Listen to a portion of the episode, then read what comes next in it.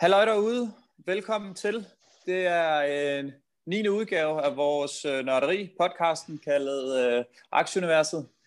Og øh, i dag der runder vi øh, vanen tro markederne i forgangne uge. Vi skal snakke noget skat, og øh, hvad hedder det nu, øh, til slut i programmet, så har vi også øh, noget, øh, noget aktienyt, og øh, Mads skal komme ind på øh, til, øh, december-tendenser og, øh, og lidt for forskelligt. Velkommen til, Mads. Er du i Hopla? Den grad, Mathias. Ja, det er jeg virkelig. Jeg er en glad mand. Jamen, det, det glæder mig til at, øh, at nyde godt af. Jeg skal lige høre, har du været ude og få, øh, få sjusset dig godt ned i champagne øh, de sidste tre dage for at fejre en fænomenal Gravity-uge, eller hvad? Ja, ja, det, ja det, altså det, det, det var jo sådan lidt gravøl i starten af ugen. Jeg har simpelthen været så irriteret i starten af ugen her. Fordi at, at det der med, så var der, så var der først har der været, så har der været sektorrotation, ikke? Og sådan, okay, så skal Nasdaq have tæsk. Så lige pludselig så var der en dag, hvor Nasdaq var oppe, og alle mine aktier, de var nede, og så var sådan, ej, nu stopper jeg simpelthen. Og så hver eneste morgen, når jeg står op, så har Marley Spoon også fået nogle tæsk, og Delivery Hero vil bare ingenting. Øhm, så, så jeg har virkelig haft sådan en uge, hvor jeg bare har gået og synes, at aktier var noget værre hø. Øhm, og så og så torsdag åbner jeg appen der og, og kigger efter det amerikanske marked åben, og så er Gravity lige pludselig 10% oppe, og sådan, så stikker den fuldstændig af. Og så, øhm, og, så, og så er det jo mega godt, og som du siger, så burde, så burde jeg jo drikke champagne, men jeg har bare alligevel haft den der irritation i mig, at det kan simpelthen ikke passe, at det her ikke vil. Og det er ligesom om, at også det, det her, at det, nu har vi snakket valg, og okay, når vi skal lige over valg, så skal det nok komme, og sådan noget. Det ene, og det andet, og det tredje, og sådan noget, så, så går man bare virkelig og bliver irriteret. Men jeg har også sådan kommet til at tænke på, det er sgu også der, altså det, det er egentlig der, at det er egentlig der, at det er godt at have nogle aktier, man kender og tror på, og, og ved, at man bare skal holde, fordi det går godt med forretningen, når man sådan går og begynder virkelig at hade sine aktier, fordi de ikke, de ikke gør, som man vil. Og så er det bare psykologisk fuldstændig håbløst, at, at når det så går helt vildt godt, så tænker man bare, at selvfølgelig gør det det. Altså, og så, så er det hurtigt glemt. Så det, det er virkelig svært at få de der positive følelser til at, øhm, til at fylde mest. Så øhm, jeg, jeg tror, jeg har ikke været i champagne, men, men i aften, så, så skal det godt nok være, fordi at, at det har da været en fuldstændig forrygende uge med, med Gravity, der stikker af, og Mercado Libre i all-time high, og Carvana i all-time high, Kahoot og Bambusa i all-time high. Så, altså, ja, det, det, man, man bør ikke være, være ked af det her, synes jeg ikke. Jeg tror da også, jeg tror da også, ja, men jeg vil bare lige sige, jeg tror da også, Mats, han sidder, som vi havde igennem for 14 dage siden, jeg tror da også, han yeah. sidder ved at krasse huden af sig selv i, øh, i bare begejstring øh, over, over Gravity. Det er, det, det er noget af, det er noget af en, en, en fredag og onsdag, den har, den har haft. Øhm, jamen min uge, Øh, jamen, jeg har, jeg synes egentlig, jeg er egentlig rimelig positiv, så øh, jeg, jeg synes, det var, jeg, jeg kunne se, at min, øh, min indeks og øh, mine øh, enkeltpositioner, de slog øh, indekset i går, så det synes jeg var fedt, det synes jeg, og så tænker jeg, ah, så, så er jeg rigtig god til det her med aktier. Så det er jo altid den der fede fornemmelse, når man lige ser, at, ind, at indekset eller Nasdaq stiger lige over 1%, og man så selv laver halvanden, så sidder man og tænker, ja, nu er jeg klogere end alle de andre idioter, der sidder derude. Så nu har jeg det bare vildt. Øhm, men altså, øh, ja, jeg, jeg, jeg blev og det, og det siger, jo ikke bare, det siger jo ikke bare kun noget om dig. Altså, det siger jo noget om mennesker, at, at jeg tror, det der med, at når man får ret, så, så er man rigtig god til sådan, yes, jeg kan det her det, jeg, har, jeg har forstået det. Og når man, når man ikke får ret, så har man mere den der på sig, at det var godt nok også uheldigt, og, og hvordan skulle jeg lige vide, at, at det der skete, eller det der stik, det er der ingen, der kan vide, og sådan noget, så jeg er champion alligevel, så der, der det er...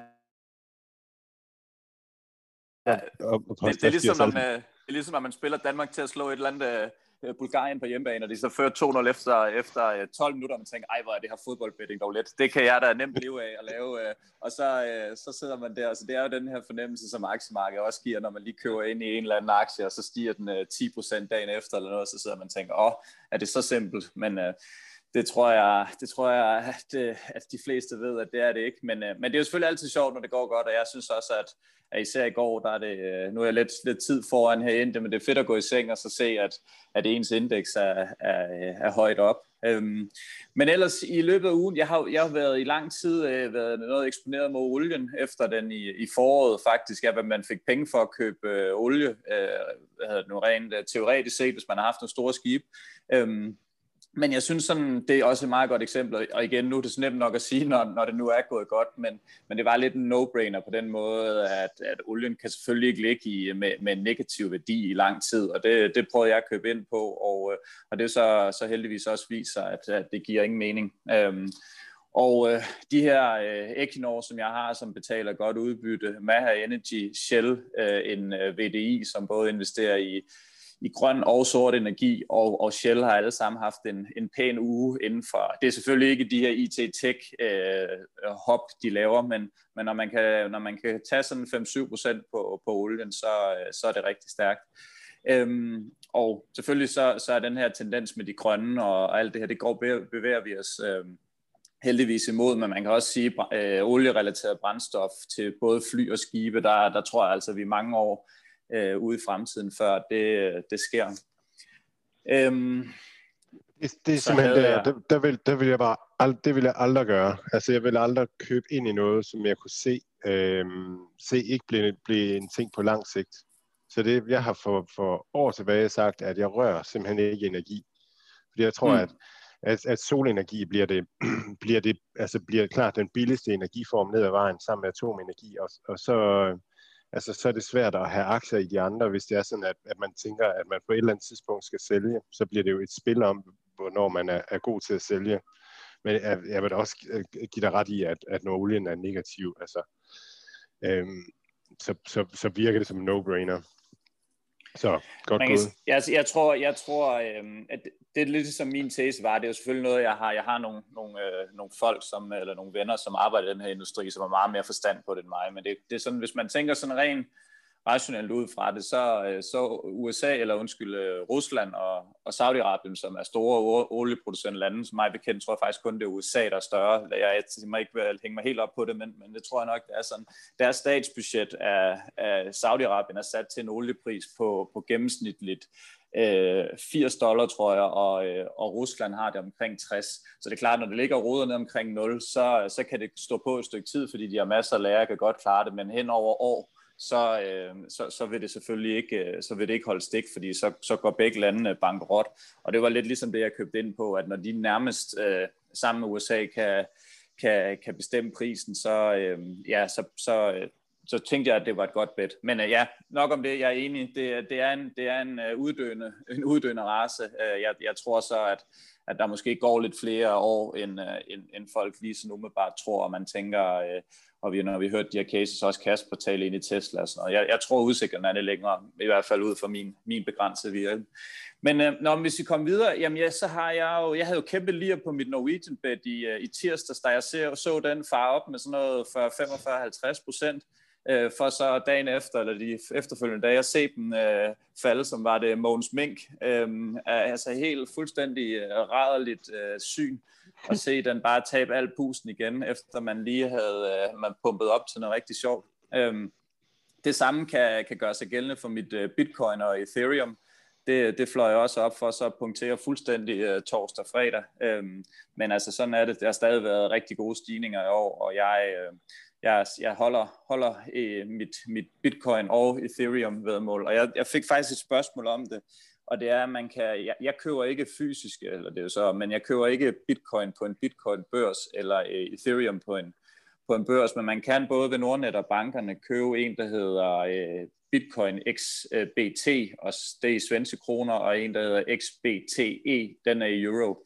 Og der det betaler man så noget halvanden procent for, og så køber man ind, ligesom man vil købe en, en Mærsk-aktie, så køber man den her fond, som, som øh, er, fuldstændig tracket en til en med, med, med henholdsvis Bitcoin og Ethereum. Og igen, øh, kæmpe disclaimer, jeg opfordrer ikke til, at man skal købe i den. Det skal I selv danne jeres mening om. Jeg siger bare, at det er muligt, uden at man skal være bange for alt det her med wallet, og at de bliver stjålet og hacket og alt muligt ting. Der, der køber man igennem det her. Men, men pas nu, øh, vær nu forsigtig derude. Jeg, I, I skal virkelig sætte jer ind i det, før at, øh, at I køber noget. Øhm, ja, jeg tog lidt gevinst på min øh, Moderna, øh, den her aktie, som, som umiddelbart er længst fremme med, øh, med den her øh, covid-19-vaccine. Øh, den købte jeg faktisk i starten af året, så jeg tror, at den, har, den er gået fem gange op kontra den pris. Jeg tror, jeg købte den i 30 og nu den 150. Så kæmpe tillykke til mig. Øh, tak. Og øh, ja, ellers som du sagde, en, øh, en overall, øh, overall god uge. Øh, jeg, jeg er glad og tilfreds og kipper med happen. Fedt. Skal vi, øh, skal vi prøve at snakke lidt, øh, lidt skat? Og jeg ved godt, at øh, vi havde jo teaset lidt for, at vi ville have fået en, øh, en revisor med. Det kunne desværre ikke lade sig gøre, men øh, der er heldigvis ikke noget, der er så skidt for noget, og det er godt for noget andet. Og øh, vi har begge to øh, prøvet at forberede os bedst muligt, uden at vi, øh, uden at nogen af os øh, bliver hyret nogensinde af PVC, så, øh, så, så kan vi da i hvert fald godt måske klæde en lille smule på til at, at snakke ind i det her emne. Øhm, er du ikke, føler du dig ikke, øh, føler du dig ikke klædt på til at, at, at dele ud af din, øh, din store viden, Mads? Hvad, chef, skal jeg bare svare ærligt nu, eller skal jeg, skal jeg sige, at, at, at, at, at det har jeg da helt styr på? Det, Ej, det, det vi, bliver, vi, vi skal, det... vi skal, vi, du skal huske, Mads, vi, vi, vores mantra og vores, da vi pitchede og snakker om den her podcast til at starte med, er, at vi skal altid være ærlige. Så er det bedre, at vi siger, at der er noget, vi ikke ved. Øhm, ja. Og så, så kan vi undersøge det. Så vi skal ikke sidde og fylde folk med, med varm luft og, og noget, der ikke er rigtigt. Så, så er det bedre, så er det sgu bedre at være ærlig. Det er så forfriskende, når nogen siger, det, at yes. det ved vi ikke. Og noget, jeg synes, noget af det, som, som allerede er blevet godt, det er, at der, der, der indimellem så siger vi noget forkert, og så er der nogen inde på Aktieuniverset, der inde på vores Twitter-profil, som, som lige er inde og skrive, at uh, nu har de lige kigget lidt i det og sådan noget, og det er, det er sådan her, sådan her. Så, så, så min holdning til det her, det er, at, at nu fyrer vi den bare af med, med skat. Alt det, vi tror, vi ved, og meget af det vil være rigtigt. Øh, rigtig meget af det. Men, men I skal stadigvæk selv undersøge tingene helt til bunds og være helt sikker på, at, at det er sådan, det gælder. Men sådan den der inspiration til, hvordan, hvordan man kan tænke skat omkring aktier og sådan noget, det, øh, det føler jeg mig godt klædt på til. Sådan. Det, er, det lyder godt. Det lyder godt. Hvad hedder det nu? Kan du ikke, vil du lige, kan du nævne de tre forskellige øh, måder, man ligesom kan investere aktierne på, eller øh, i aktier på? Ja, altså øh, man kan jo man kan jo investere på øh, man kan investere i frie midler. Altså og det, det er beskattede midler. Så det er ens løn, når man har fået fået løn, så betaler man skat, og så får man ind på kontoen. Og det kan man vælge at investere i aktier. Så det, er, det kalder vi frie midler, eller beskattede midler. Så kan man også, øh, så kan man også, de beskattede midler kan man så sætte ind på en aktiesparekonto. Øh, og så, øh, og så, så får man nogle andre rettigheder ved, ved, ved pengene der øh, ned ad vejen. Det, det kommer vi ind på. Så aktiesparekonto. Og så den, den tredje, det er jo, at man kan vælge at sætte pengene ind på en ratepension, øh, som man selv opretter. Og der er en eller anden maks øh, niveau for, hvor meget man kan sætte ind hvert år. Det bliver altid opjusteret en lille smule. Det ligger på nummer 50.000 nu. Det kan man sætte ind, og det får man så fuld fradrag for øh, når man sætter det ind. Så det vil sige, det er, det er ikke beskattede midler, der står på, på ratepensionen. Og så er det så sådan, at når man, når man trækker dem ud fra ratepensionen igen øh, på et eller andet tidspunkt senere, når man skal bruge pengene, så betaler man så øh, en afgift. Noget, der kommer til at ligne en skat. Og jeg, det... tror næsten, jeg tror næsten, du skal fortælle om skat, Mathias. Jeg tror, du er bedre, bedre forberedt end jeg er. Nej, jeg, jamen, jeg, jeg, jeg, jeg skulle til at sige, det, det der, det, det tror jeg der med, med stor sandsynlighed, folk vil, vil beskrive det på Twitter er fuldstændig korrekt, fordi det er i hvert fald også sådan, jeg har forstået det. Øhm, jeg, har, jeg har kigget lidt på den her aktiesparekonto, øhm, og, øh, og den, den kan man så øh, indbetale øh, 100.000 på om året. Der er en skatteprocent på 17%, og det er via det princip, som hedder lagerbeskatning. Og lagerbeskatningen, det, det betyder, at man ja, vil sige, at jeg sætter de 100.000 ind på øh, 1. Januar, og de er så blevet til 110.000 31. i 12. Øhm, så, så selvom jeg ikke sælger dem, så har jeg jo så tjent 10.000, og det betyder så, at de 10.000 skal jeg betale 17% i skat. Øhm, året efter, når jeg så indbetaler på den her igen, så kan jeg ikke betale 100.000, men jeg, jeg kan betale øh, det afkast, jeg har tjent, og så op til 100.000. Så hvis jeg ikke øh, de 17 procent af, de 10.000, så 1.700 kroner, så det må så være 8.300, man kan trække fra, så det må være hvad? Ja, øh, 91.700, var det ikke korrekt? Eller 92.700? 91.700, man så må indbetale året efter, og så kører man forfra igen. Så det vil sige, at selvom man må man indbetale 100.000 om året, siger du? Ja, ja minus, ja. Ens for, minus ens fortjeneste. Øhm, ja. Det vil så sige, altså du betaler, du betaler 17 procent i, uh, i skat det første år, og det må du så betale overskud, må du så betale op til 100.000 igen året efter. Mm. Øhm, og det mener jeg, at du må gøre indtil i hvert fald til 2022, så det vil sige, at man har lige et, et par år til at gøre det endnu. Øhm, og, og det, der så måske gør lidt forvirrende, det er, at der er inde under den, der, der er automatisk, øh, hvis du har sådan en ved Nordnet for eksempel, så tilbageholder den et beløb, fordi de penge, øh, dem skal du kunne betale, og det er også derfor, at folk ikke er så glade for lagerbeskatningen, fordi det vil sige, når man, når man for eksempel snakker ETF'er, så betyder det, hvis jeg har tjent 20.000 kroner, øh, og de vil bare have, nu ved jeg godt, at nu beskatningen ikke 50%, men det er lettere at lege, øh, lege med, hvis jeg har betjent 20.000 kroner, så skal man altså betale 10.000 kroner, og det er senest den, eller det er den 22. januar, de bliver trukket. Øhm, men, men når de her hjemmesider, som Nordnet for eksempel laver det, så bliver der automatisk tilbageholdt nogle penge, som så bliver trukket der den, øh, den 1. eller 22. januar. Så det er sådan, lige sådan kort fortalt, måske blev det lidt forvirret, forvirrende, det ved jeg ikke, men øhm, det må I det var mega godt. ud med det. Nå, ja. tak Mads. Hvad, hvad så med, hvad så med, øh, med, med frie midler? Altså, øh, nu får man sin, ja, nu har man, nu har man fået sin løn, og så har man betalt skat af, af det, og så har man så købt nogle aktier. Øh, hvordan, hvordan er reglerne så der for, for, for frie midler og beskatning? For frie midler, så, øh, så er skatteprocenten enten 27 procent eller 42 procent, og det, der er et beløbsgrænse på. Så det vil sige, at jeg mener, det er 55.000, cirka 55.000 kroner. Så de første 55.000 kroner, man tjener, hvis man realiserer sin gevinst, der betaler man 27 procent i skat af det, og alt, hvad der ligger over 55.000, der skal man så betale 42 procent. Øhm, så det er simpelthen afhængig af, hvor meget, hvor meget krudt man har at skyde med, at der, der afgør ens, ens skatteprocent på, på den måde. Og det, der skal beskattes der, det er, det er, det er udbytter, man får udbetalt, plus de, de gevinster, man får, øh, når man sælger aktier, minus de, øh, de tab, man har, når man, når man sælger aktier. Præcis. Er det, er, Præcis. Ja. ja, ja altså det er, jo, det er jo klart, lad os sige, nu skulle jeg for eksempel her med mine, med mine rædelige Norwegian-aktier, øh, der kunne jeg så øh, sælge dem, og der har jeg så et eller andet ekstra antal kroner i tab.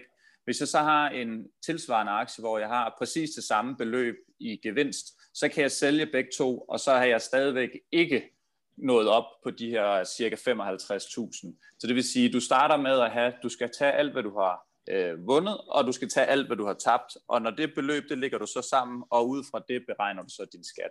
Så det er det der med, at nogle gange, selvom man har en dødsejler i, øh, i bakken, øhm, og i, i løbet af årets slutning, så kan det godt betale sig, at, at man faktisk sælger den også, selvom man har et stort tab, medmindre man selvfølgelig tror på kæmpe comeback, så, øh, så, så, kunne man, så skal man selvfølgelig beholde den. Men hvis man tror, at ah, det her det ved jeg ikke, og det, det har jeg ikke noget, og nu har jeg noget gevinst på en anden, jeg kan tage hjem, og jeg er egentlig okay med, og, øh, og, og, og sætte det til side, så, så, kan man, så kan man sælge det, fordi det er det samlede overskud, som man, som man bliver beskattet af.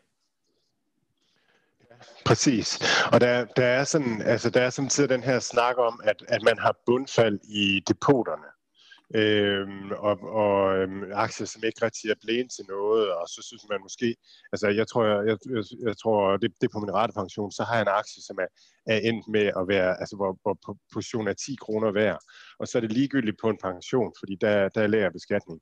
Men hvis man har det i privaten, altså så få dem solgt, fordi at så har man lige pludselig et, et aktiefradrag, øh, når man har handlet dem, så har man et aktiefradrag svarende til, til tabet der. Og, øh, og, og aktiefradrag kan man jo også gemme, gemme til senere. Hvis man har overvejende tab i et år, jamen så, så gemmer man tabet til, til de efterfølgende år sådan at, at man kan trække det fra der. Men det er altså en god idé at forhandle de her aktier.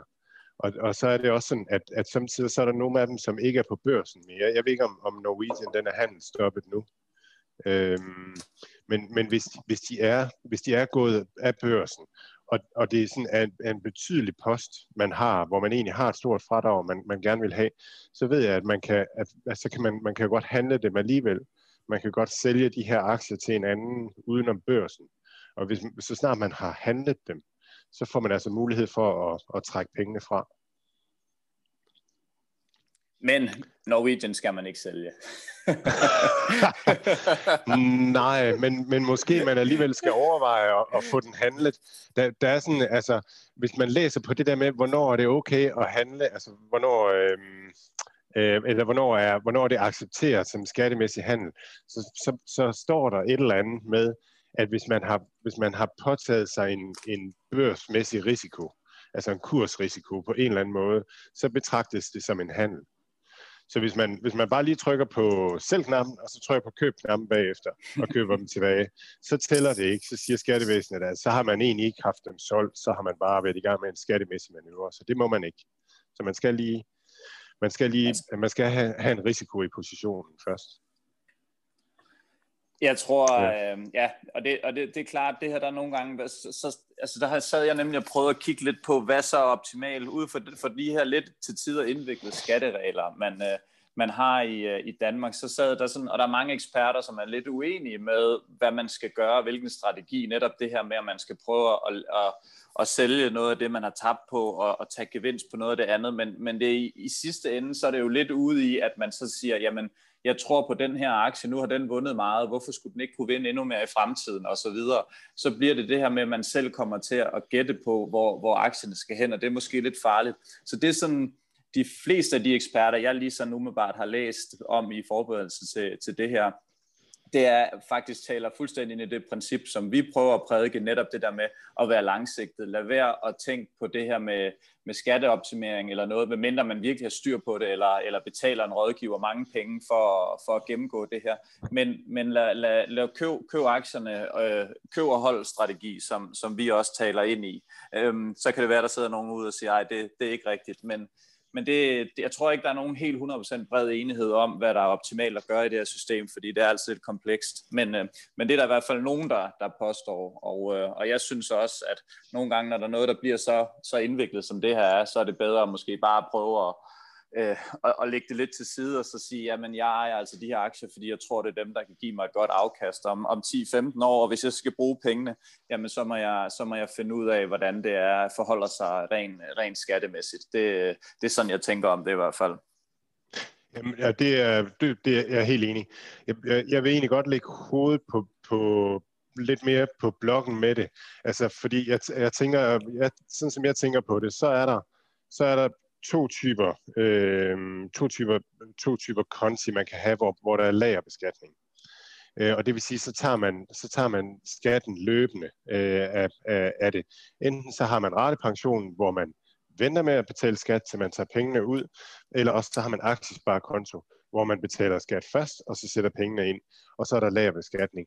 Jeg, jeg, jeg mener, det er fuldstændig ligegyldigt, om man har pengene på aktiesparekonto eller på, på ratepension, sådan skattemæssigt i store træk.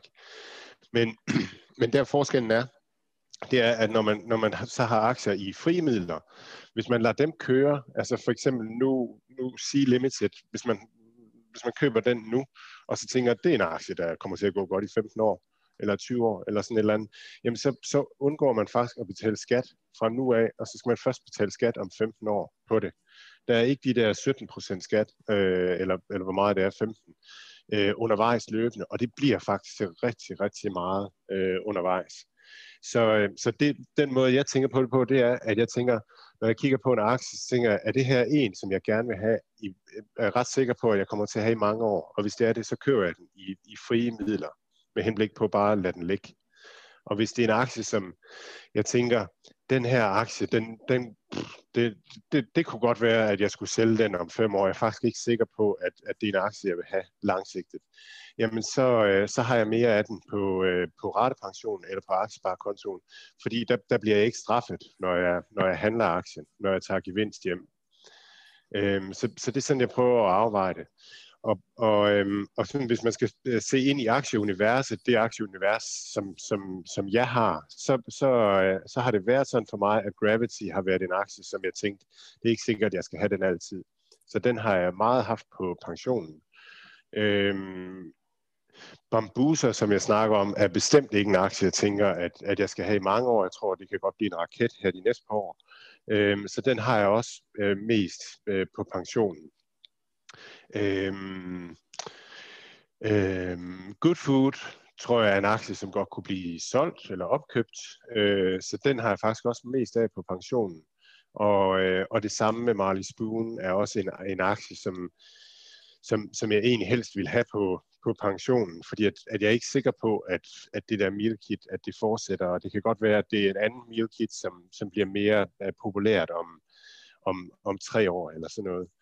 Men, men så er der en anden, så er den anden kategori, dem jeg rigtig gerne vil have i, i privatøkonomien, det er, eller i beskattede midler og, og bare på en almindelig konto, det er Delivery Hero, Carvana, Sea Limited, Facebook, Fang i det hele taget, ind på det der Mercado Libre, ind på ind bare i, i frie midler, fordi så kan man have dem i mange år, uden nogensinde at skulle betale skat af det. Det er sådan mit take. Ja. På det strategisk det, det, set.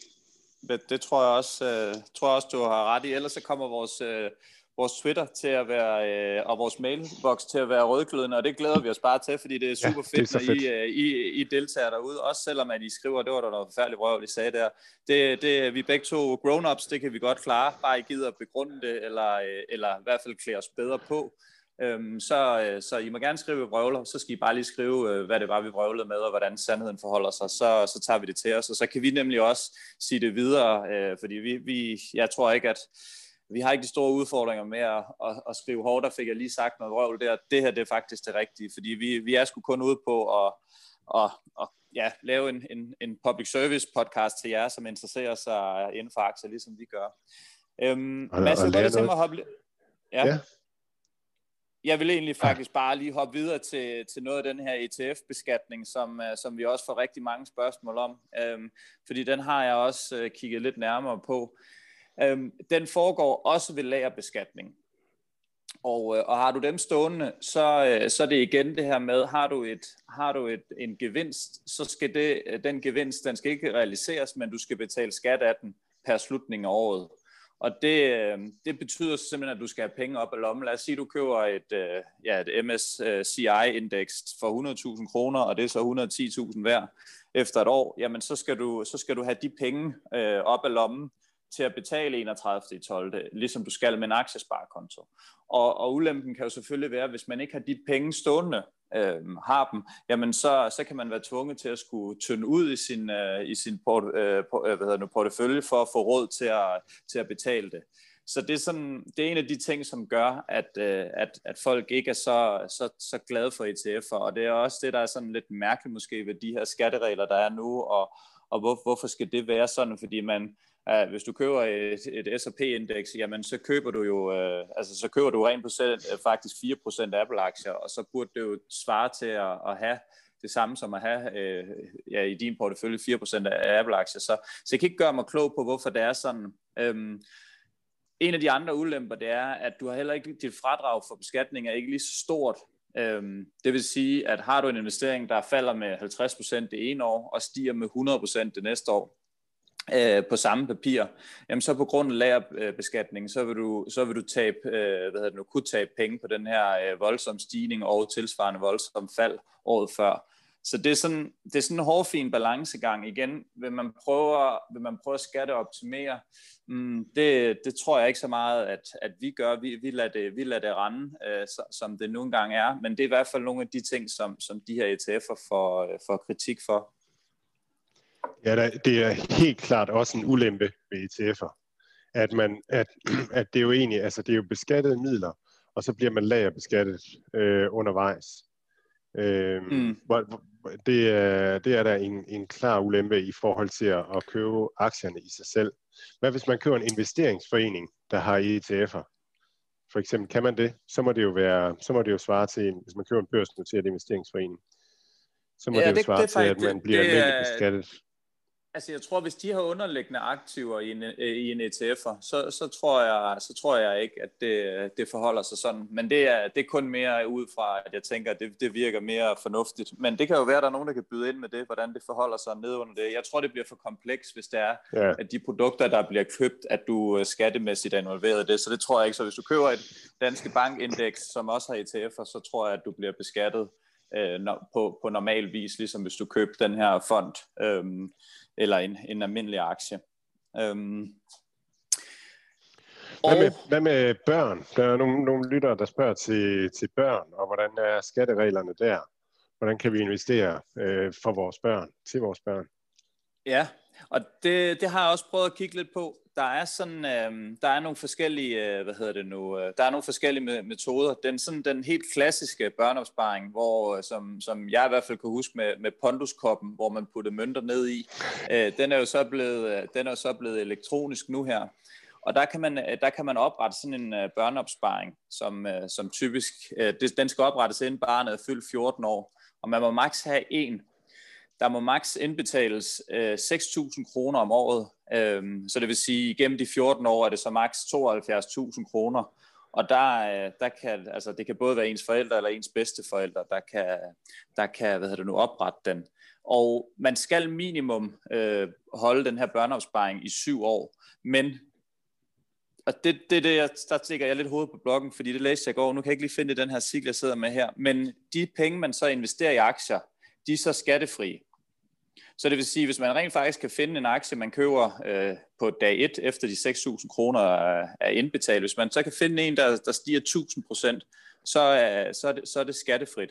Øhm, tror jeg. Og det, øh, ja, det kan, være, det kan være, jeg kommer galt, det kan være, jeg kommer dårligt ind på det her, men, øh, men det er i hvert fald sådan, at jeg har forstået det så kan man også lave fedt, en... Hvis der er nogle lyttere, der, der, der, hvis der er en, der lige sidder og ved det her, og selvfølgelig kunne det være super fedt, hvis, hvis vedkommende lige vil, vil smide en forklaring op på, på aktieuniverset. Og man kan faktisk også, hvis du laver det på dagen, inden du fylder 14 år, så, øh, så er det det her, så, så skal man igen holde den til, til barnet er 21. Så selv hvis man har nogle børn, hvor, hvor man siger det, så det skal laves, det skal laves inden barnet fylder 14 år, må indbetale 6.000 kroner om året, og så skal den holde i syv år. Så, så der er også til folk, der har lidt større børn, kan man også gøre det her. Øhm, jamen, så kan, man, øh, så kan man også lave en tilsvarende, øh, hvad hedder det, en tilsvarende aktiesparekonto, som, øh, som vi kender det fra, fra hvad hedder det nu, os, øh, for voksne også, hvor man også kan indbetale de her penge. Og der er, der er mig bekendt skattereglerne de samme som for en almindelig voksen, at de her øh, fem, op til 55.000 er det 27 procent, og derefter så er det, så er det 42. Men øh, har man et frikort, så kan man trække sit frikort fra i det, for børn har også et frikort.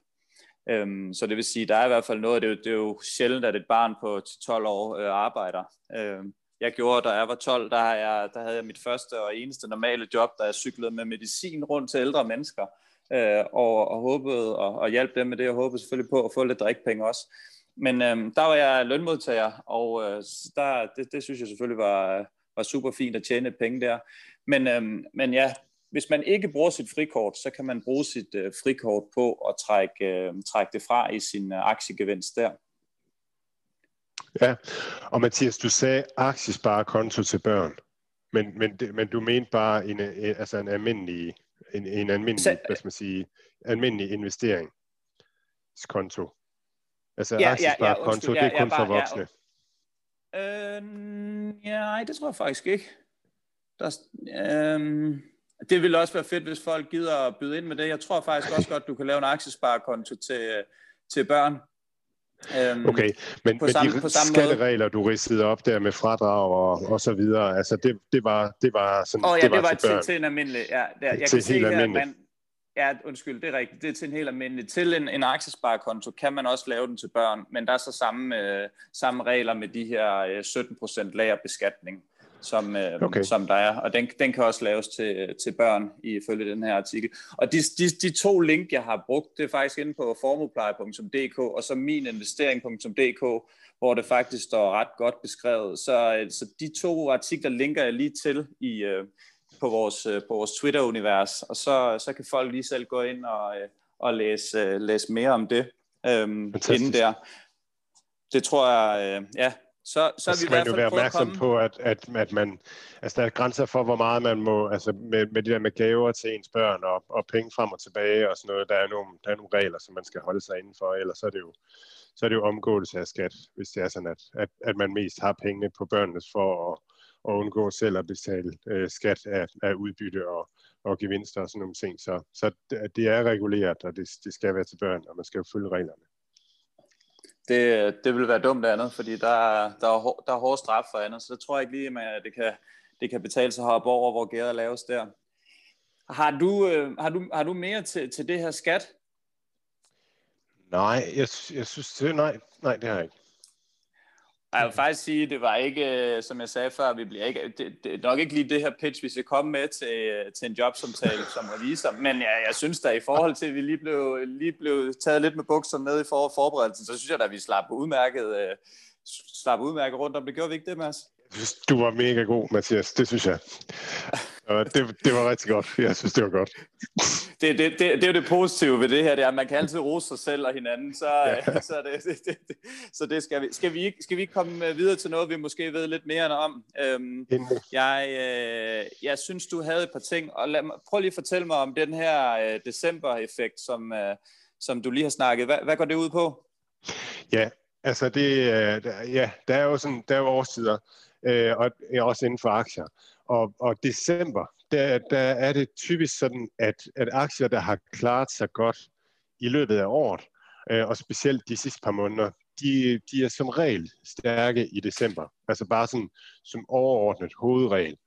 Og aktier, som har klaret sig dårligt i de sidste par måneder, men, men også i hele året, øh, klarer sig som regel dårligt i december. Og der, der er sådan et par årsager til det. Den ene årsag, det er det her skat, som vi lige har talt om. At, at når man kigger ned i, at man har nogle gevinster på nogle aktier og sådan noget, og sådan, så, så kunne det også være rart at, at aktivere nogle af de tab, man har ved at, at, at, at, sælge i de positioner, man har, man har tabende. Øh, sådan at man får fradrag der. Så, så alene bare af den grund, så kommer der sådan generelt pres på aktier, der har performet dårligt i december. Øhm, og så den anden grund, det er, at porteføljeforvalterne, der sidder og skal lave deres årsberetning nu her snart, de vil jo rigtig gerne, at, at de vil rigtig gerne have de der papirer, der ser gode ud. Ikke? Også, altså, der er ikke nogen, der sælger C Limited nu, fordi man gerne vil vise, at man har haft en stor portion af C Limited, fordi man har kunne se, at det var en, en fremtidens aktie. Mens øh, nogle andre, hvis man har en rest af Wirecard eller et eller andet, altså, så, så, så får man den solgt, fordi at, at, eller af Norwegian, det kunne det også være, Mathias, bare for at nævne en, et andet eksempel. øhm, så, øhm, altså, så, så, så, så sælger man den, fordi at, at det ser bare ikke så godt ud som porteføljeforvalter, at man har, man har ligget, ligget tungt i den. Det, det gør det nemmere at, at lave en god sådan en årsrapport, der ser, ser godt ud. Så der er to grunde til, at, at de her svage aktier er under pres i december typisk, og, og at de stærke aktier typisk er øhm, klarer sig godt i december. Og så skal man være opmærksom på, at 1. januar, så, så, så, så er det et nyt game.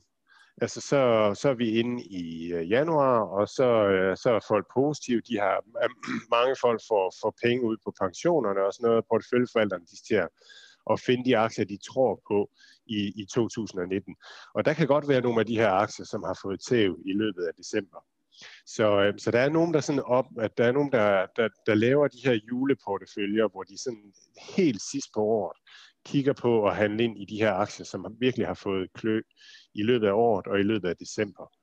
Øh, og, så, øh, og så satser på, at, at de skal stige. Og så når vi nu har snakket skat, altså, så, så vil det for mig være noget, jeg prøver at gøre på min, min uh, ratepensionsdepot. Øh, fordi at, at så, vil det, så vil det typisk være aktier, som, som jeg vil sælge igen.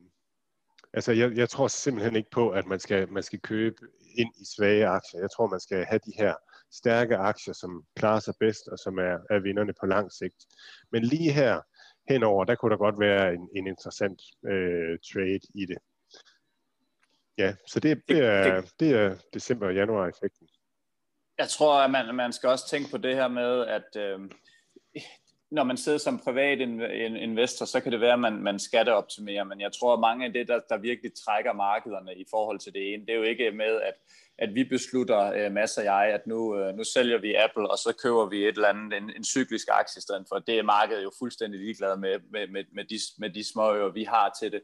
Så det er jo det her med, når, de, når der kommer nogle ryg i markedet, jamen så, så, så rykker det sig, hvis nogle af de rigtig store begynder at lave et sell-off. Så jeg tror, at, at jeg kan sagtens, at, at du, hvad du siger, Mads, det er 100% korrekt, men jeg tror også, man skal tænke på, at man skal ikke være bange for nogle af de aktier, man, man selv har, hvis man ejer for et par hundredtusind, eller nogle af de større aktier, selv hvis det er et par millioner, at man ligesom siger, nej, men så begynder det sådan rigtigt at rykke, hvis de private investorer gør noget.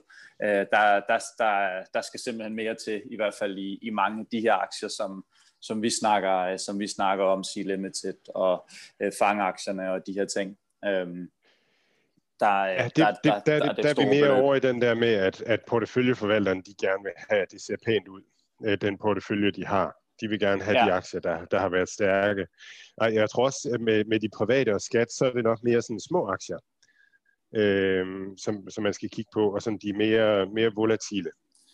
De, de har det tit svært i december, hvis, hvis de ikke har klaret sig godt. Ja, og der tror jeg, at Norwegian er et godt eksempel. Det kan godt være, at der kommer, der, der kommer nogen, der har fundet ud af, at de har, de har brændt nallerne på den. Øhm, men altså, der er, jo, der, er jo, der er jo andre ligesom mig heldigvis, som er lykkeridere, som prøver at gå efter, gå efter home run, og det synes jeg også er forfriskende.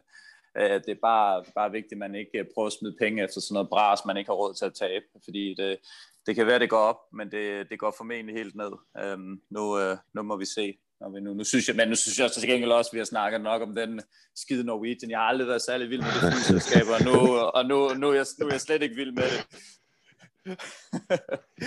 har du, ja. du, du, ja. vil du jogge mere? Vil du, vil du træde, vil du træde ja, mere ja, såret? Ja, mere lige en, en ting, altså, en, en, nej, nej, jeg skal nok, jeg synes, jeg synes, jeg har været der. Jeg synes, jeg har gjort det, jeg skulle med, med Norwegian i dag. Nej, men, men jeg har, jeg har Marley Spoon, hvor jeg tænker det her december-effekt og sådan noget. Hvor jeg, jeg synes, det er en, en vildt fed aktie og sådan noget, men det er en lille aktie, og den har fået klø her på det sidste. Så den kunne sagtens komme under pres i december. Så, så det, jeg tænker med det, det er, jeg vil ikke være ude af den, fordi jeg synes, det er en, et godt bet. Men, men jeg, jeg tænker også, at jeg vil gerne have sådan, at jeg synes, at jeg gerne vil købe lidt sidst i december, hvis det er. Så, så, øh, så på grund af december-effekt, så vil jeg gerne have en lidt mindre position end, end jeg ellers ville have haft. Sådan at, at jeg kan, har kan du forklare, hvad, hvad er der sket i Marley Spoon, siden den blev ved med at tage vand ind? Ved du det, eller har der ikke rigtig været noget? Er det bare sådan lidt... Jeg tror, den er, jeg tror, den er, ja, jeg tror bare, den er, den er under radaren for de, for de store, så der er ikke de her, der er ikke de her stabiliserende øh, store investorer, der, der ligesom der, der ved, hvad kursen skal være, og, og der ved, at når den falder under det her, så er det attraktivt, så kører vi altså noget mere. Jeg tror mere bare, at den, den, den, den flyder lidt i markedskræfternes vold.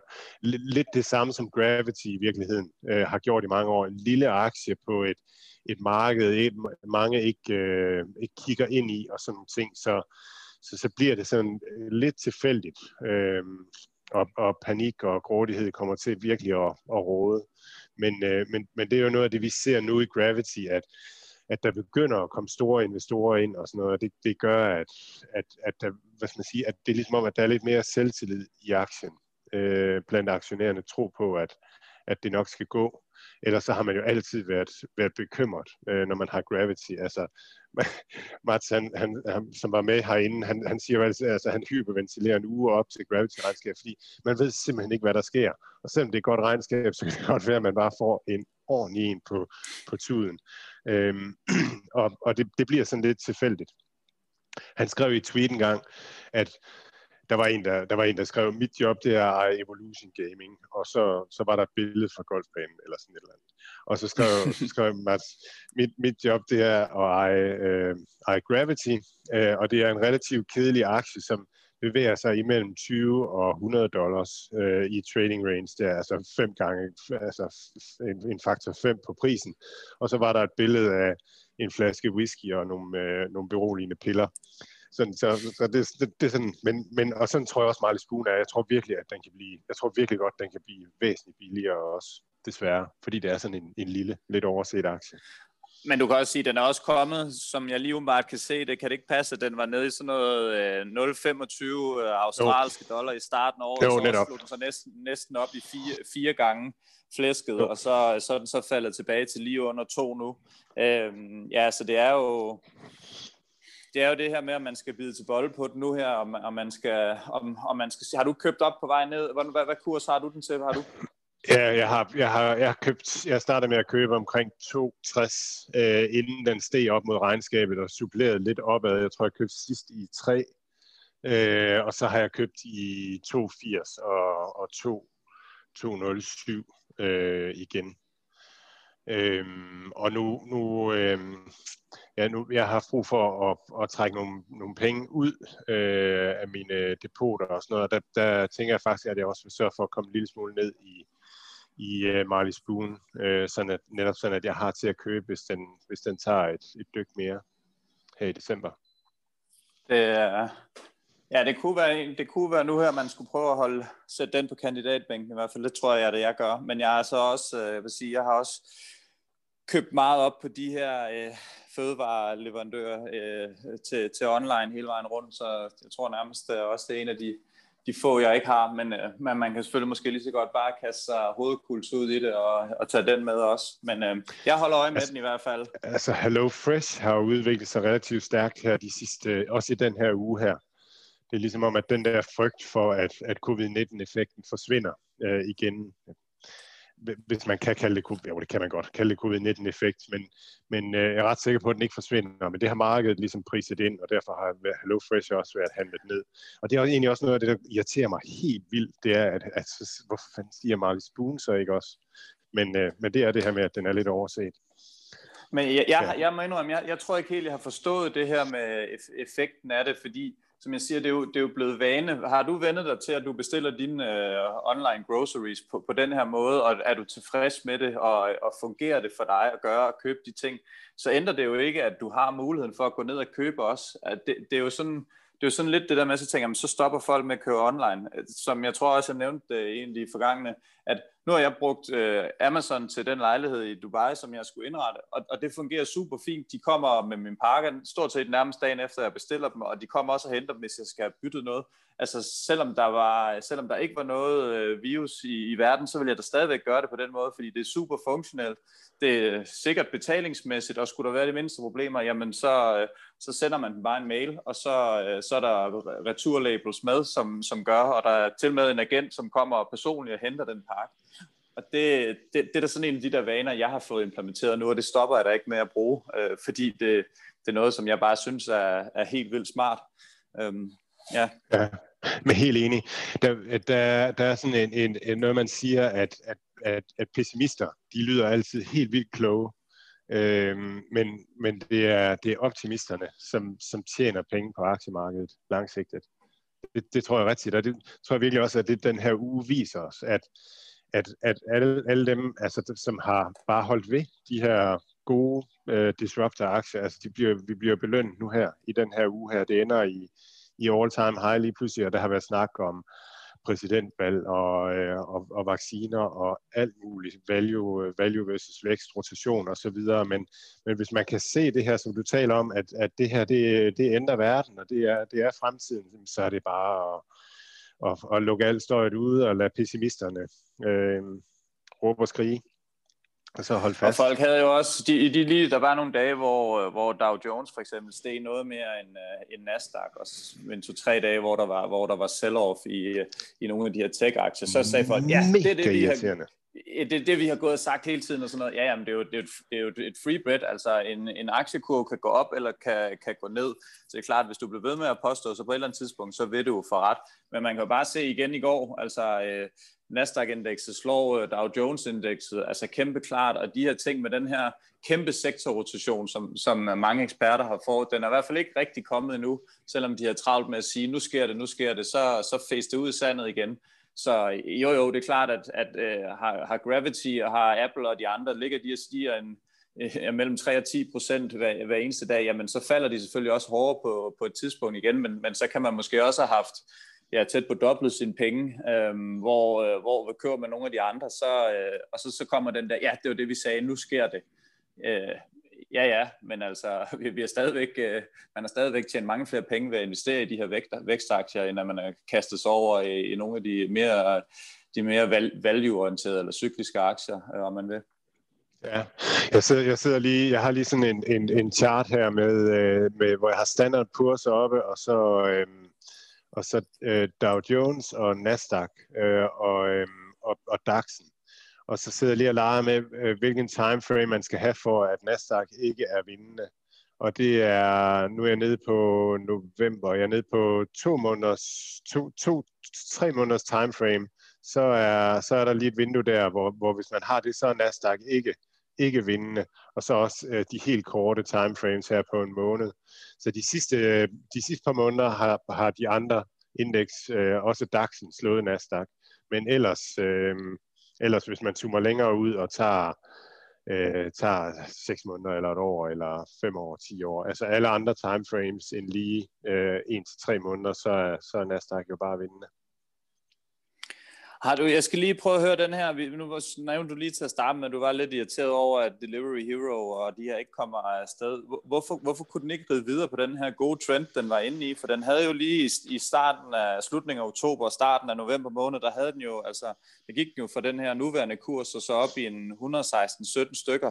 Der sad man da og tænkte på, ja, nu, nu, kommer, der, nu kommer der raketfart. Øhm, har der været noget her øh, i forgangne uge siden, den, den ikke rigtig kan få, øh, få take-off?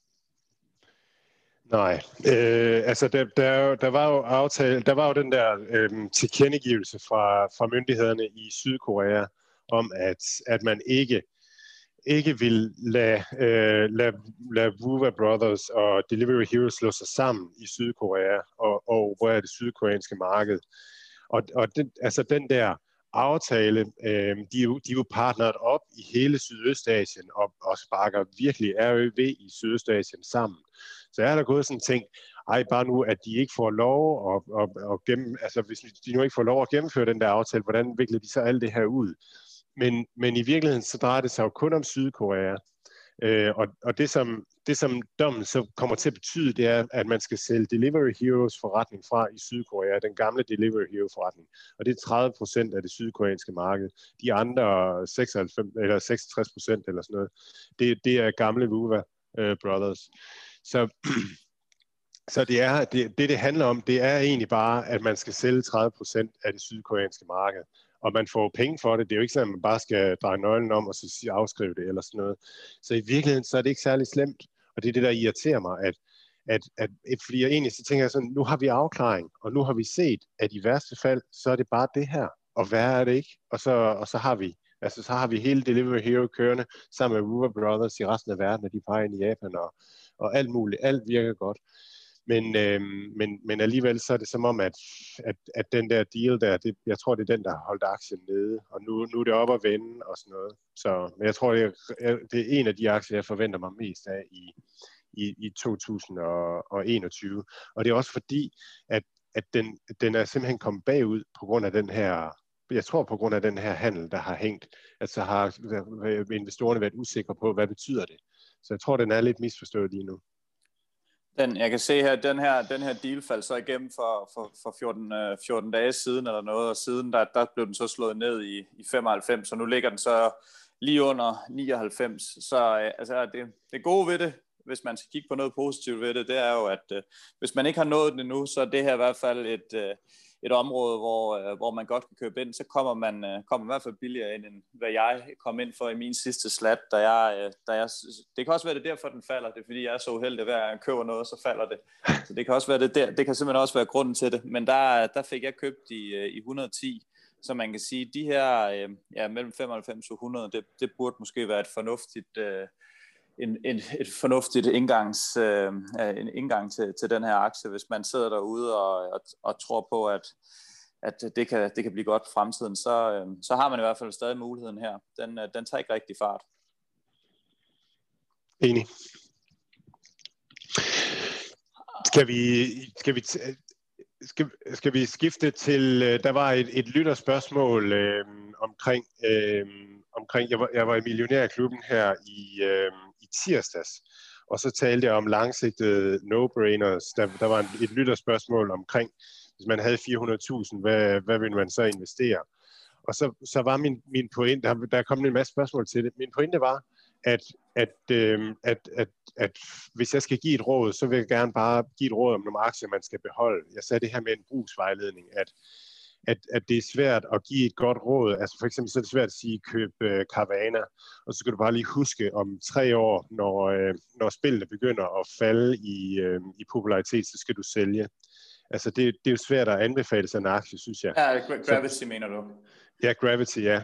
Så, så når, når, når nogen spørger om sådan noget, så kan jeg godt lige bare sige de der aktier, som jeg tror, man bare skal beholde i al evighed, fordi så er brugsvejledning dejligt nemt. Så siger jeg Facebook, og så siger jeg Delivery Hero og Carvana og Sea Limited, Mercado Libre og sådan nogle ting der.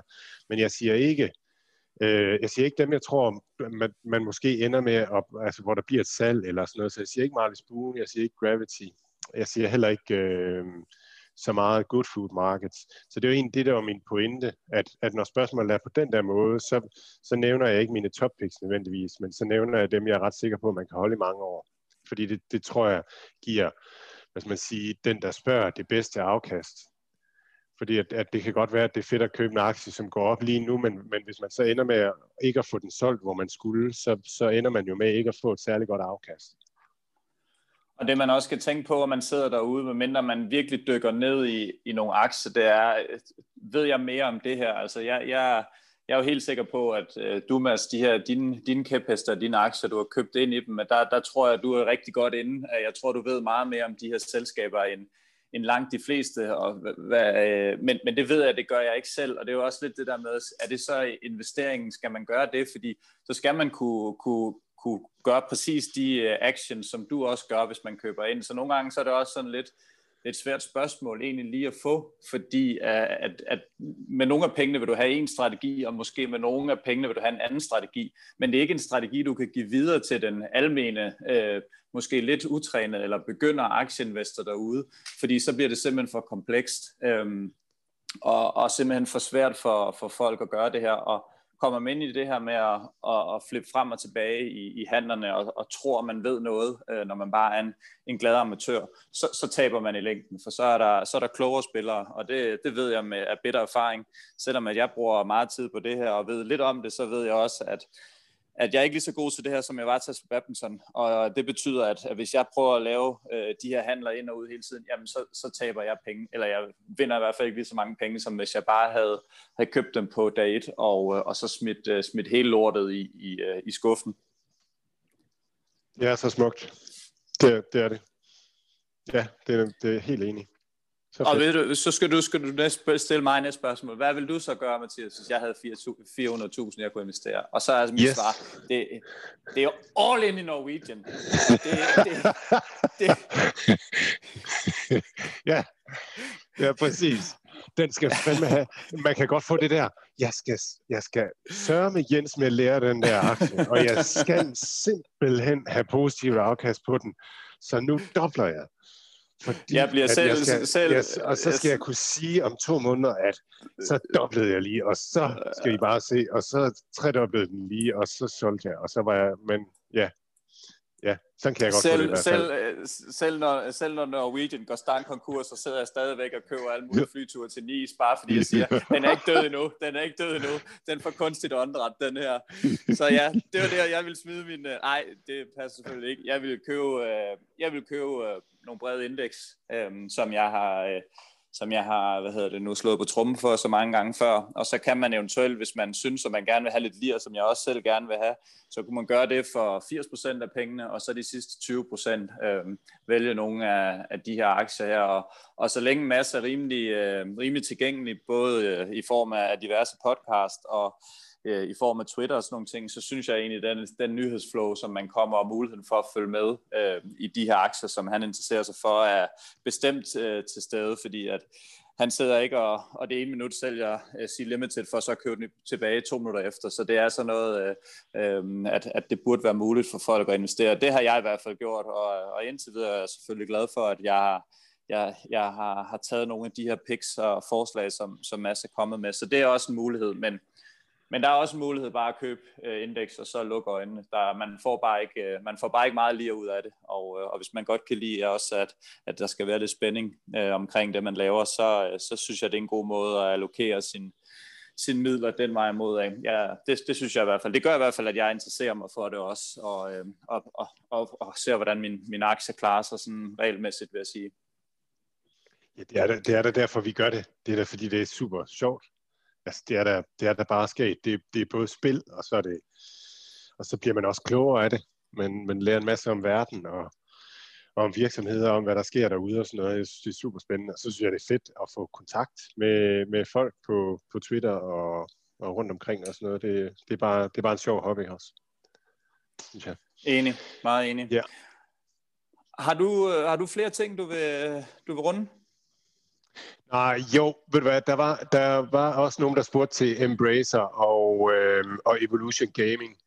Øhm, og, og det, øhm, for, for mig kommer de i den der kategori af aktier, som jeg ikke kender helt vildt godt. Men, men jeg kender virkelig nogen, som, som kender dem godt.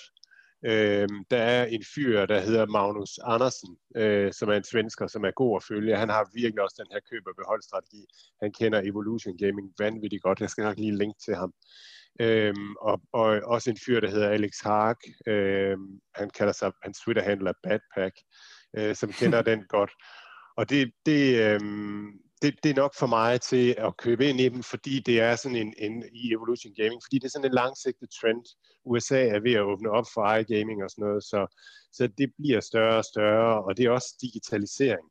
Jeg mener, iGaming er udgør er det, er måske 10% eller sådan noget af den, af den samlede casinospil hvor resten det foregår fysisk øh, rundt omkring på casinoer, så der er masser af digital transformation i den her sektor. Og Embracer er, er sådan en computerspilsvirksomhed, øh, en svensk fyr, der hedder Lars Vingefors, som altid har arbejdet med det, og er dygtig entreprenør, og han han er stor aktionær i virksomheden og er bare super god til at, at købe op og skabe værdi. Han kender den her gamingindustri som, som sin egen bukselomme, så det giver faktisk en god diversificeret øh, øh, eksponering mod, mod gaming.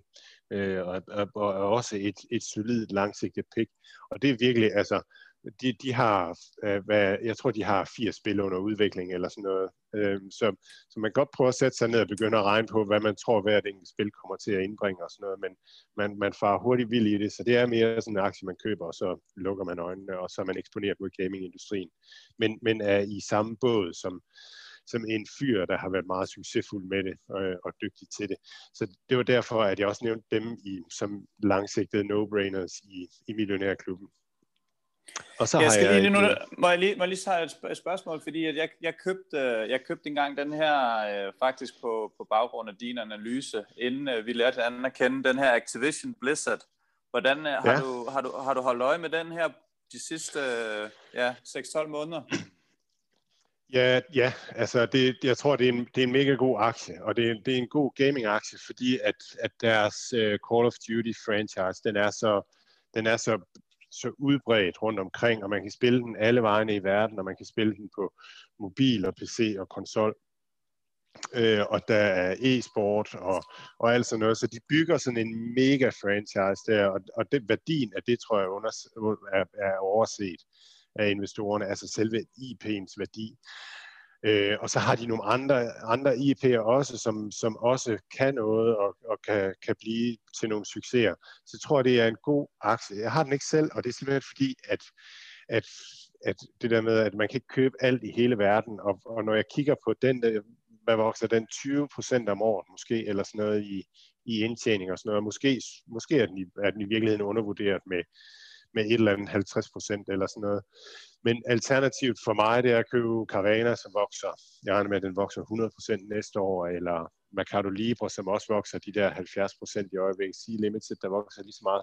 Så, så der er bare ikke ret mange gaming-aktier, som, som vokser ret meget. Det, det er sådan mere en moden industri, øh, og er ikke så voksen. Så det er derfor, jeg, jeg har ikke så meget eksponering mod gaming. Men jeg tror til gengæld, at, at downside er helt vildt lille øh, på, på sådan en aktie som Activision Blizzard, hvis du holder den i, i mange år. Det er sådan nogle, jeg tror alle de der store gaming-aktier, øh, det er sådan nogle langsigtede no-brainers. IP'erne er undervurderet af, af aktionærerne, det er jeg sikker på. Øh, har meget større indtjeningspotentiale, end, end der er afspejlet i kursen. Men, men, men når, altså når væksten ikke er der, så sker der ikke så meget. Det kan godt være, at aktien bliver opvurderet, men, men set over en lang årrække, så får man måske ikke mere de der 20-30 procent. Den har, klaret sig, den har klaret sig fint i år i hvert fald. Selvfølgelig tog den jo et dive øh, sammen med resten af markedet derunder, der, der, der covid blev øh, lanceret, skal jeg sige. Men der, den er gået fra, fra 60 i år til, til 78 i dag, og var op i, i 86, så man kan jo sige, det er jo et, det er et afkast, man til, til at tage følge på, hvad det er 20-25 procent, det, det vil jeg da gerne uh, bytte hele, hele porteføljen uh, ud med at, at tage det. Ja, det, uh... lige præcis. Helt enig. Godt. Jeg kan forstå det sådan, at øh, jeg holder fast i øh, Activision Blizzard, fordi det ligesom er en, Øh, kan man måske endda nærmest kalde det en, øh, en, øh, en stabil, øh, tæt på cyklisk aktie, eller hvad? Altså den kommer ikke ud for de samme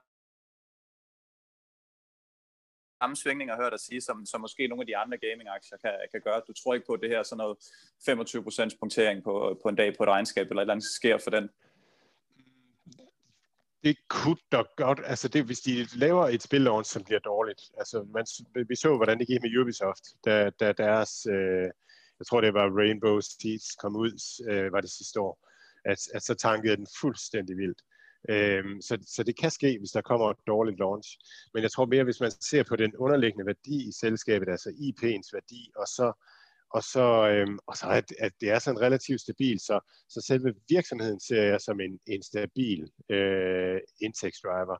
Især hvis man, altså hvis man nu tænker, man vil det her, så vil jeg bare, og tænker man vil gøre langsigtet, så vil jeg bare købe øh, lidt af hvert. Altså købe lidt Ubisoft, lidt Activision og lidt øh, Electronic Arts og noget Take-Two øh, og så måske krydder med Embracer. Bare sådan, man ligger rigtig bredt i spilindustrien, så får man den der, at, at det her det er en, en voksende medieindustri, som, som vokser 10% cirka om året. Øh, og så tjener de også nogle penge der oveni og sådan noget. Og, og at IP'en nok er undervurderet. Så, så et eller andet sted, så tænker jeg, at man kigger ind i 20%, øh, mellem 20 og 30% afkast øh, over, en, over en lang periode, hvis man investerer i dem. Det er sådan mit billede af det. Det er jo ikke, altså, ja, det er jo ikke noget, det er jo ikke noget vi ved. Det er jo bare, det er bare vores tanker, og vi gætter, og man skal selv lave sine egne investeringsbeslutninger. Øh, sådan noget. Ja. Men det er jo også efterhånden ved at være så udviklet en industri, at man tænker, at man nok et eller andet sted skal være eksponeret mod den del af, den del af, af verden med de her øh, ja, mobilspil og alt sådan noget. Øh, det er jo i forhold til, da jeg spillede Commodore 64 en sjældent gang imellem, da jeg var barn, så det ser det jo helt anderledes ud med de her tal, og det, det bliver sikkert kun, øh, kun mere og mere i fremtiden. Folk, øh, børn glemmer at gå i skoven, og så sidder de foran, øh, foran computeren og, og hammer løs. Det er jo det er blevet en del, af, en del af hverdagen, så øh, det virker ikke som om, at, at det kommer til at, at tage en pause øh, i, den, i den nærmeste fremtid i hvert fald. Nej, det gør det ikke, og, men, også, men de hænger også ud sammen. Altså Fortnite og, og mange af de her spil her, altså de, de hænger ud sammen, de går hjem, og så hænger de ud sammen. Øhm, så, så, så det sociale er der egentlig. Øhm, jeg, jeg, jeg tror, det er, er bedre, end man lige tænker. Jeg ved godt, der er meget, mange delte meninger om det, men, øh, men, men man, kan godt, man kan godt danne venskaber over, over nettet, øh, trods alt, og det giver nogle muligheder for dem, der ikke var, var, hvad skal man sige, dem, der ikke kunne klatre op i de høje træer og sådan nogle ting ude i skoven. Eller, eller altid tabte, når vi, når vi legede røver og soldater altså så, så har man mulighed for at, at klare sig godt øh, virtuelt, og også bare for at hænge ud øh, virtuelt. Og, og noget, noget, der kommer nu her med spillene, det er jo, at, at man også får mulighed for at engagere sig med dem, når man er offline, eller nej, når man ikke har mulighed for at spille. Altså det, det, det mener jeg er i Fortnite nu, og men også det er i Free Fire, at, at øh, uh, Sea Limited spil, at, at, man, øh, at man, hvis man nu kører i bil, så kan man godt logge på spillet øh, sammen med ens venner, og så, så kan man, så kan man, øh, så kan man høre, høre, være sammen med dem, når de, når de sidder og spiller. Så det giver muligheden for at være sammen og hænge ud et sted, et virtuelt sted. Det tror jeg sådan set er godt nok. Det kan være lidt beroligende øh... for forældrene, der, der så har dårlig samvittighed, fordi at de, at de står sent op her lørdag, og børnene de, de sidder og hakker løs. For meget rødvin i går. Hvad ja. hedder det nu? Øh, jamen, har du mere øh, på programmet, Mads? Jeg er min seddel er krydset af. Nej, jeg synes, det var mega godt. og, og det hele er sagt. Det, øh, vi, lader det, vi, vi, lader det, vi lader det op, være op til lytterne, ja, og vi håber på, øh, på fortsat medvind indtil et godt julerally, så vi kan købe lidt øh, ekstra, øh, ekstra store julegaver til os selv. Det kunne da være, det kunne da være dejligt. Det, så lad os, øh, lad os hæppe videre på, på markederne, og lad os, øh, lad os håbe, vi, vi får et, et fedt julerally her. Det, det kunne da være skønt. Øhm, jamen, som, som altid, skyde spørgsmål, kommentar, og især i dag, der kunne det da være fedt at høre, hvordan I, øh, I synes, vi kom igennem vores, øh, vores aktie, øh, hvad hedder det beskatning af aktier. Det kunne da være sjovt at, at høre, om vi var spot on, eller, eller, eller vi var helt rædderlige. Det, det, det må I meget gerne byde ind med, så, øh, så, så det bliver spændende at høre, om vi har, vi har kunne give noget, øh, hvad hedder det, noget viden videre med, med det, som, som vi har sagt i dag. Og øh, ja, vi er selvfølgelig tilbage på næste lørdag, hvor vi skal se øh, nærmere på Roblox sammen med Andreas. Der er noget øh, Unity-regnskab, som også kommer i løbet af ugen, som Mads holder øje med. Øhm, og ellers Ej, det er så, ude, øh, men, men, men Andreas, har, Andreas har kigget i det og sådan noget, og, og vi kommer sådan til at, at, at trække lidt tråde imellem Unity og, og Roblox. Sådan, de, de minder lidt om hinanden som virksomheder, og alligevel ikke så meget. Og sådan noget. Andreas interesserer sig for dem begge to. Så øh, det bliver mega spændende at, at høre ham fortælle om. Det glæder vi os til. Jamen, øh, tak for nu, og øh, på genhør. I lige måde, Mathias, og tak for nu, ja.